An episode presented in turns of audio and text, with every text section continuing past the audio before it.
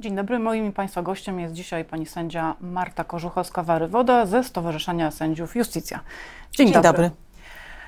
dobry. Jesteśmy po wyborach. Wszelkie znaki na niebie i ziemi wskazują, że władze w najbliższych tygodniach przejmą partie opozycyjne, które szły do wyborów pod hasłem przywrócenia praworządności w sądach. Natomiast teraz już wiemy, że mamy mnóstwo różnych e, jednak e, pomysłów na poszczególne zmiany wzajemnie się wykluczających, tak? Od opcji zerowej po y, jakąś taką delikatną naprawę. Mm, jak pani stowarzyszenie y, patrzy na te poszczególne aspekty? Zacznijmy może od konkursów sędziowskich. Mamy grupę sędziów, która przeszła konkursy zorganizowane przez obecną Krajową Radę Sądownictwa, co do której oczywiście znamy y, formułowane zastrzeżenia konstytucyjne. Co z tymi sędziami należałoby teraz zrobić? Dobrze, zacznę tak od początku, od e, kwestii ogólnych do szczególnych.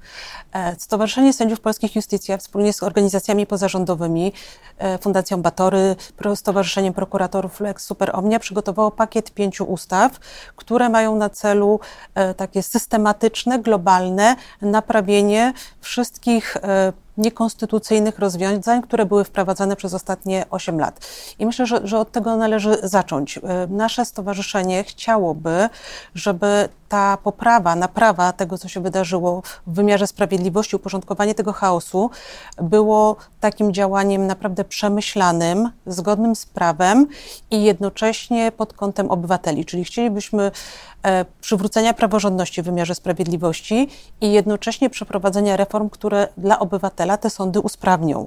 E, to, co się wydarzyło przez 8 lat, oprócz tego, że mamy problemy z praworządnością, e, zapadają orzeczenia sądów europejskich, które wytykają nam te poszczególne rozwiązania, to jeszcze jest olbrzymi e, taki okres czasu, kiedy wydłużono postępowania sądowe, bo sądy nie mogły działać e, tak dobrze jak wcześniej z wielu różnych powodów e, związanych z tym, że nikt nie myślał o tym, jak usprawnić pracę e, sądów, kiedy mamy XXI wiek, korespondencję wysyłaną mailowo, więc tu jest taki nasz główny postulat, że naprawmy ten wymiar sprawiedliwości porządnie, dobrze, solidnie i z myślą o tym, żeby służył obywatelom, bo po to on jest przede wszystkim.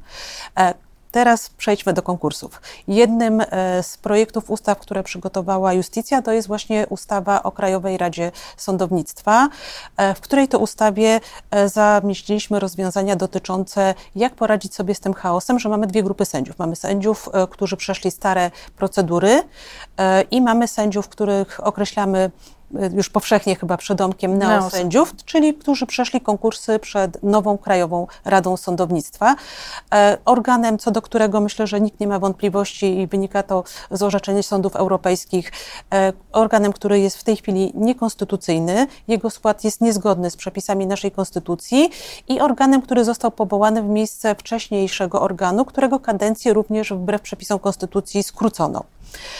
No i mamy teraz e, tak, ta, ta, taką sytuację, którą musimy naprawić.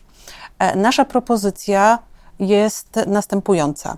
E, powtórzmy konkursy sędziowskie przed tym organem, który będzie działał na podstawie konstytucji, co do którego nie będzie wątpliwości, jeśli chodzi o perspektywę europejską, czy działa prawidłowo, czy też nie powtórzmy te konkursy. Niech sędziowie, którzy uzyskali awanse, wrócą na swoje poprzednie stanowiska i staną jeszcze raz do konkursów w warunkach normalnej konkurencji, bo to, co myślę jest istotne i trzeba powiedzieć, to jest to, że e, po pierwsze, procedura była niekonstytucyjna, organ e, działał niezgodnie z przepisami naszej konstytucji, ale drugi aspekt, taki bardziej praktyczny, jest taki, że bardzo wielu sędziów nie stanęło do konkursów. Ja jestem takim przykładem, wielu moich kolegów zacisnęliśmy zęby i przez 8 lat zrezygnowaliśmy z możliwości awansowania, co oznacza, że ci sędziowie, którzy zdecydowali się na te konkursy, e, ich. E, Wykorzystali okazję, dokładnie, niekoniecznie byli najlepsi, tak? Dokładnie tak.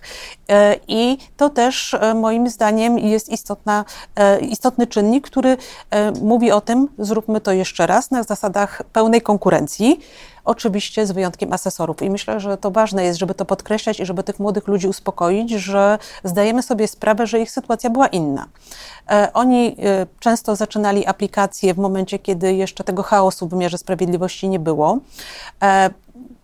kontynuowali naukę w Krajowej Szkole Sądownictwa, pobierali stypendia, które musieliby zwrócić, gdyby nie objęli następnie stanowisk. Tak samo kwestia udziału Krajowej Rady Sądownictwa myślę, że tutaj była zupełnie inna niż w przypadku tych konkursów awansowych, które czasem ocierały się o absurd i wszyscy o tym wiemy.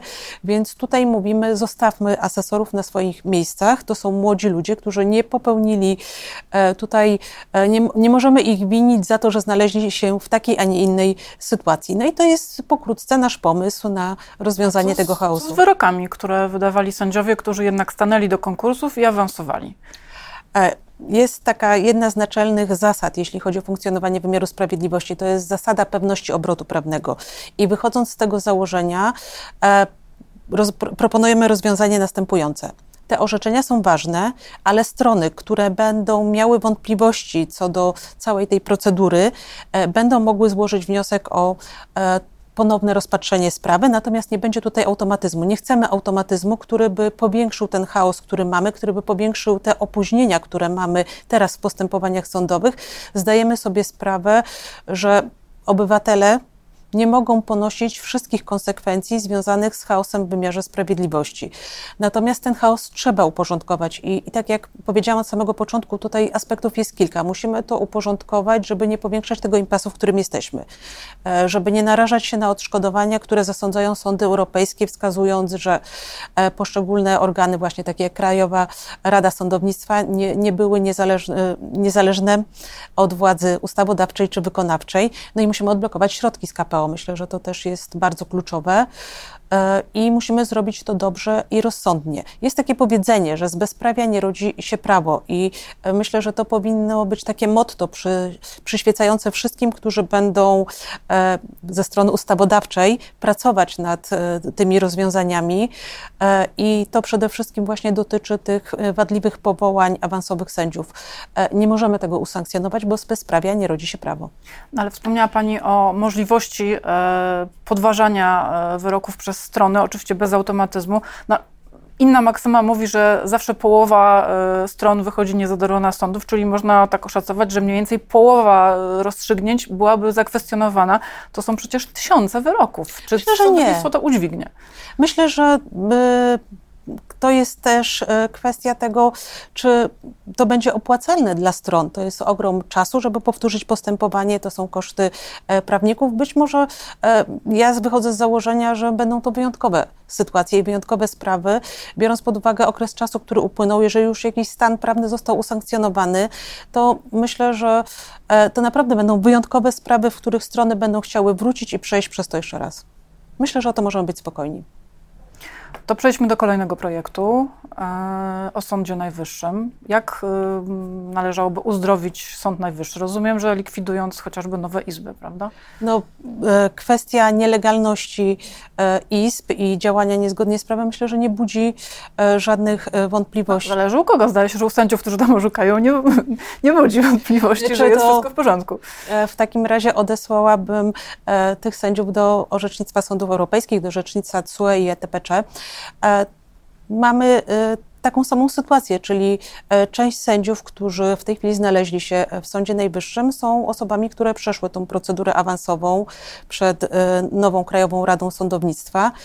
Powtórzmy te wszystkie procedury, dajmy szansę sędziom, którzy ciężko pracowali, również wystąpić w tych konkursach i myślę, że to będzie jedna z podstawowych rzeczy, która uzdrowi sytuację e, w Sądzie Najwyższym. Myślę, że tak jak pożegnaliśmy Izbę Dyscyplinarną e, na jakimś etapie tych zmian, tak samo nie będziemy płakać za Izbą Odpowiedzialności Zawodowej czy tą drugą Izbą.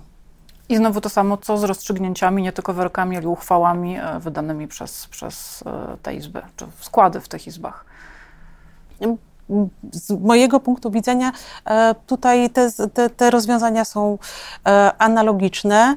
E, nie, to, że rozstrzygnięcia wydane przez Izbę Dyscyplinarną były automatycznie uznane za nieważne, no to wynikało z orzecznictwa. Tutaj te, te rozwiązania powinny być e, analogiczne, czyli dać szansę stronom, żeby ewentualnie mogły e, podważyć te orzeczenia, e, które bezpośrednio ich dotyczą. No, całego orzecznictwa nie, nie usuniemy. Myślę, że musimy patrzeć, żeby jak najbardziej pójść naprzód i jak najbardziej pracować nad tym, żeby odzyskać Sąd Najwyższy w składzie obsadzonym przez takich sędziów, którzy przejdą niekwestionowaną procedurę nominacyjną bo to jest, e, to jest naj, naj, najgorsze to jest właśnie to, że e, mamy dwie grupy sędziów. E, mamy sędziów których określamy neo. Ci sędziowie teraz w Sądzie Najwyższym najczęściej orzekają w odrębnych składach, żeby się nie mieszać.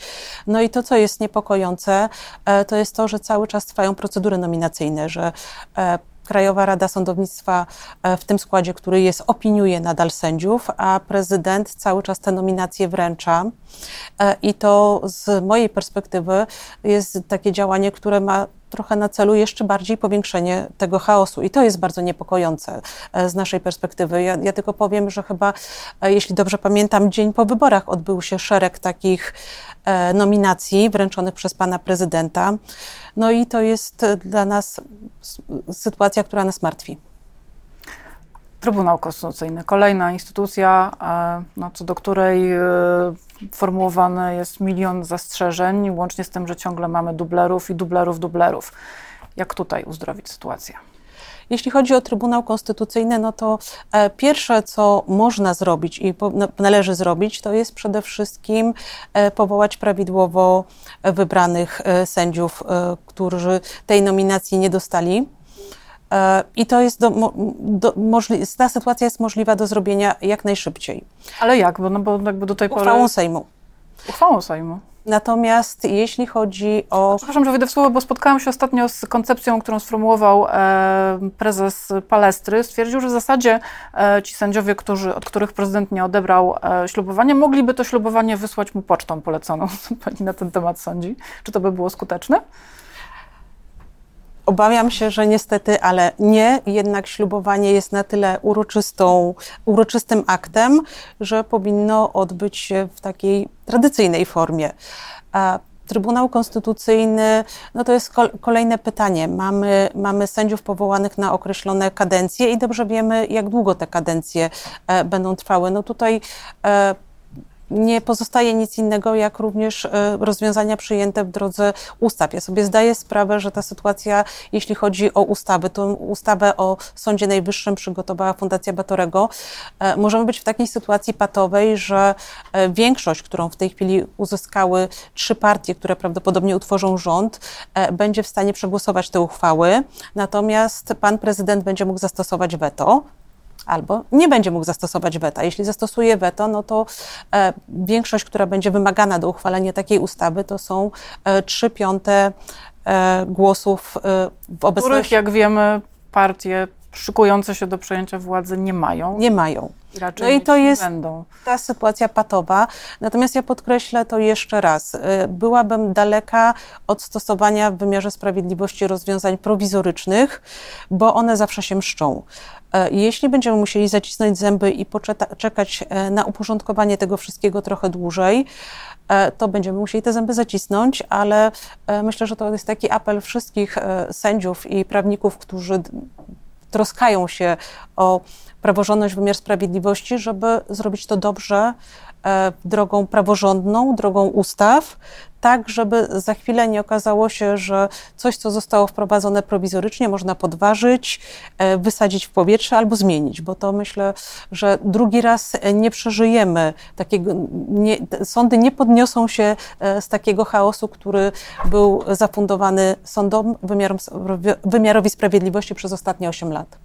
A może są takie rozwiązania, które nie byłyby prowizoryczne czy doraźne, a jednak nie wymagałyby na przykład e, ustawy, no, która wymaga podpisu prezydenta, może na przykład rozporządzeniami coś można załatwić. To jest zbyt poważna materia i tak naprawdę wszystkie e, te instytucje, e, podstawy ich funkcjonowania są ustalone ustawami. Także żeby to wszystko właśnie działało dobrze i żebyśmy nie mogli kwestionować, że na przykład jakieś rozwiązania są niezgodne z konstytucją, bo mamy pewną też hierarchię aktów prawnych.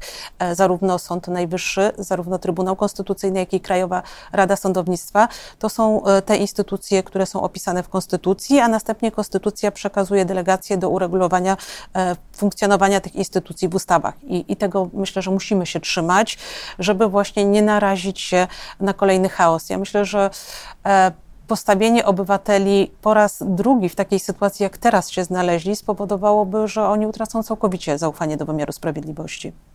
Czyli tak realnie te zmiany, o których mówimy, że są niezbędne czy potrzebne, mogą nastąpić dopiero w 2026 roku, tak? Trochę długo. Trochę długo. E, mieliśmy 8 lat chaosu. E, Męczymy się jeszcze dwa. Jeśli będzie trzeba na to poczekać, aczkolwiek no, nie możemy przewidzieć też do końca, jaka będzie decyzja e, pana prezydenta. Dajmy szansę. Ja, ja sobie zawsze tak mówię, że to jest olbrzymia szansa dla prezydenta, żeby zakończyć tą drugą kadencję jako ta osoba, która na przykład dołożyła swoją cegiełkę do przywrócenia praworządności. Miejmy nadzieję, że pan prezydent nasz słucha, polecamy. Naszym gościem była pani sędzia Marta Korzuchowska-Warywoda ze Stowarzyszenia Justicja. Dziękuję bardzo. Dziękuję.